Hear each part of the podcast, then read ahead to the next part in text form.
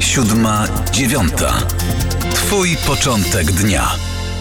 Czas na kolejnego gościa w poranku siódma, dziewiąta. Jerzy Rochoziński, Instytut Pileckiego. Dzień dobry. Dzień dobry. Mówimy o wielu y, aspektach rosyjskiej agresji na Ukrainę. Próbujemy E, nakreślić scenariusze, mówimy o tym, jak wygląda dzisiaj sytuacja za naszą wschodnią granicą, pomagamy. Jest tego oczywiście całe mnóstwo, jeśli chodzi o pola i, i sprawy. Instytut Pileckiego postanowił otworzyć jeszcze jedną e, rzeczywistość, która mam nadzieję, e, a wręcz wrażenie czy pewność, że będzie kiedyś bardzo, bardzo ważna. Centrum Dokumentowania Zbrodni Rosyjskich w Ukrainie imienia Rafała Lemkina. Cóż to za instytucja i czym będziecie się Państwo zajmować? E, jest to instytucja powołana, no, można powiedzieć, w trybie dość ekspresowym w ramach Instytutu Pileckiego, no, która zgodnie ze swoją nazwą ma dokumentować e, zbrodnie rosyjskie w Ukrainie, dokumentować e, po pierwsze wykorzystując wszelkie możliwe metody, to znaczy jedną z nich oczywiście e, będzie zbieranie świadectw e, wśród uchodźców, zbieranie no, z zachowaniem maksimum empatii, czyli, czyli no, jeżeli będziemy mieć do czynienia z osobą straumatyzowaną, przerażoną, wykończoną, to oczywiście nie, nie, zachowamy maksimum wyczucia.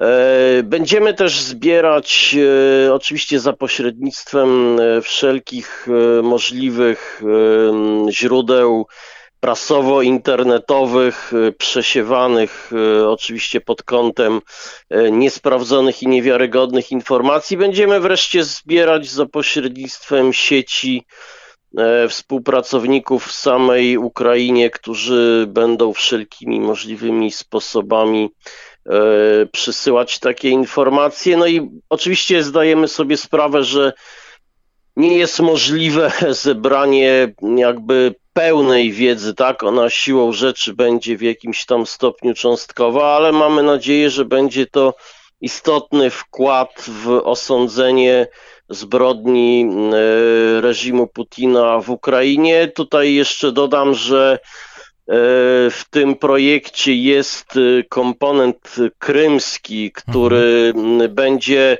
to oczywiście troszeczkę jest inna sytuacja, bo tu mamy, no, mamy dłuższy okres i mamy sytuację okupacyjną, więc, więc będziemy mieć tam do czynienia sytuacją łamania praw człowieka, deportacjami, prześladowaniami, ale powiedzmy nie w sytuacji wojennej, no i też e, e, po, poza, poza czynnikiem ludzkim e, chcemy się zająć dziedzictwem kulturowym, które też, to wiem, bo, bo wczoraj rozmawiałem, jest, jest nie, nie tylko przypadkowo, ale też także konsekwentnie niszczone przez rosyjskiego agresora. No dobrze, to powie ktoś nieco może naiwnie i otwarcie, po co to zbierać już dzisiaj, po co to dokumentować już teraz, kiedy te rosyjskie działania tak naprawdę, e, no chyba niestety, ale, ale e, nie kończą się, ale, ale zaczynają.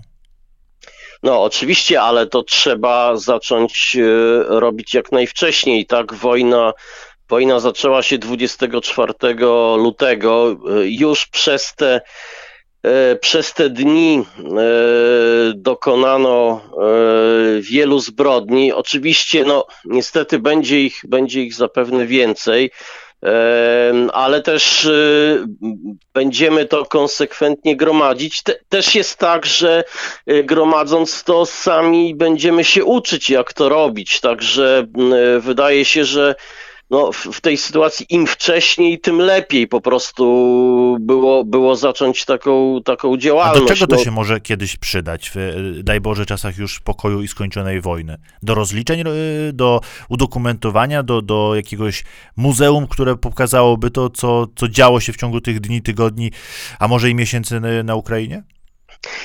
Cele, cele będą dwa. Cel, cel pierwszy i podstawowy to jest przekazanie e, tego materiału no, najprawdopodobniej w formie, e, w formie jakiegoś raportu z bogatą dokumentacją e, międzynarodowym instytucjom zajmującym się sądzeniem zbrodni wojennych, tak jak chociażby na przykład Trybunał Haski, a druga rzecz to, to, to w dalszej kolejności to będzie także materiał dla historyków, którzy którzy za ileś lat przysiądą nad tym, co się dzieje teraz i no, będą dzięki temu mieli, miejmy nadzieję, no w miarę bogatą dokumentację, żeby to już może bardziej, bardziej yy, chłodnym okiem opisać, chociaż chłodnym to nie znaczy, że e, pozbawionym takiego elementu osądzającego, bo to mm, wydaje mi się, że tutaj historia nie może być pisana,